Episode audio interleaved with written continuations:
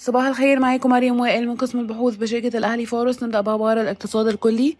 وصل معدل البطالة في مصر إلى 6.9% في الربع الرابع من 2023 انخفاضا من 7.1% في الربع الثالث من 2023 و7.2% في الربع المقابل من 2022 ارتفعت استثمارات الأجانب في أذون الخزانة المصرية بنحو 400 مليون دولار خلال نوفمبر لتصل إلى 12 مليار و600 مليون دولار مقابل 12 مليار و200 مليون دولار في أكتوبر. ارتفعت ديون الدول العربية لمصر إلى 48 مليار و400 مليون دولار بنهاية سبتمبر مقابل 46 مليار و200 مليون دولار بنهاية يونيو.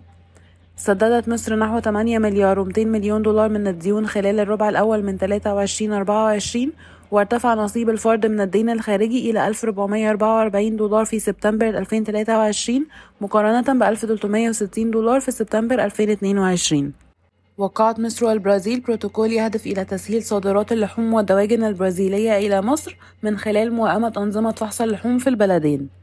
تدرس وزارة المالية حزمة من الإعفاءات الضريبية والجمركية تهدف إلى جذب المستثمرين إلى منطقة الأعمال المركزية بالعاصمة الجديدة. قال وزير التجارة والصناعة أن الوزارة تعتزم إطلاق استراتيجية جديدة للقطاع الصناعي في مصر نهاية الشهر الجاري.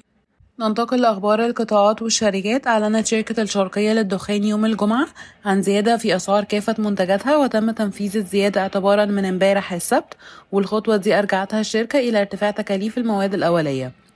بحسب الصحافة المحلية سحبت أدنوك عرضها لشراء حصة في وطنية وطاقة عربية هي الآن الشركة الوحيدة التي أعلنت عن اهتمامها بالصفقة.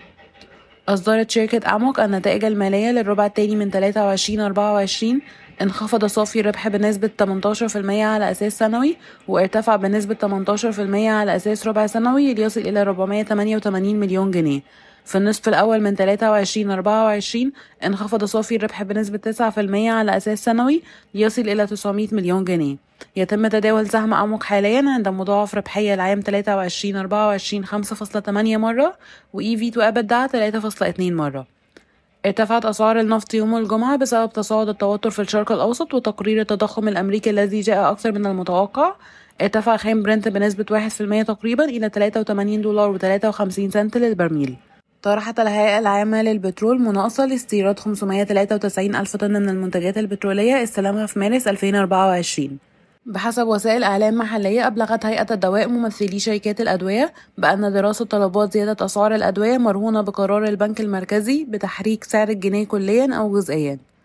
حصلت شركة فودافون مصر على موافقة البنك المركزي على زيادة حصتها في شركتي Bee ومصاري من 10 إلى 20% حصلت شركة Dice على موافقة QNB للحصول على قرض متوسط الأجل بقيمة 5 مليون دولار لمدة 6 سنوات وكذلك موافقة البنك التجاري الدولي على منحها قرض بقيمة 100 مليون جنيه لمدة 3 سنوات.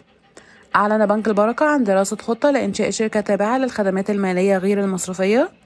أطلق بنك مصر منصة جديدة تسمى بنك مصر إكسبرس لتزويد الشركات الصغيرة والمتوسطة بالدعم المالي والغير المالي.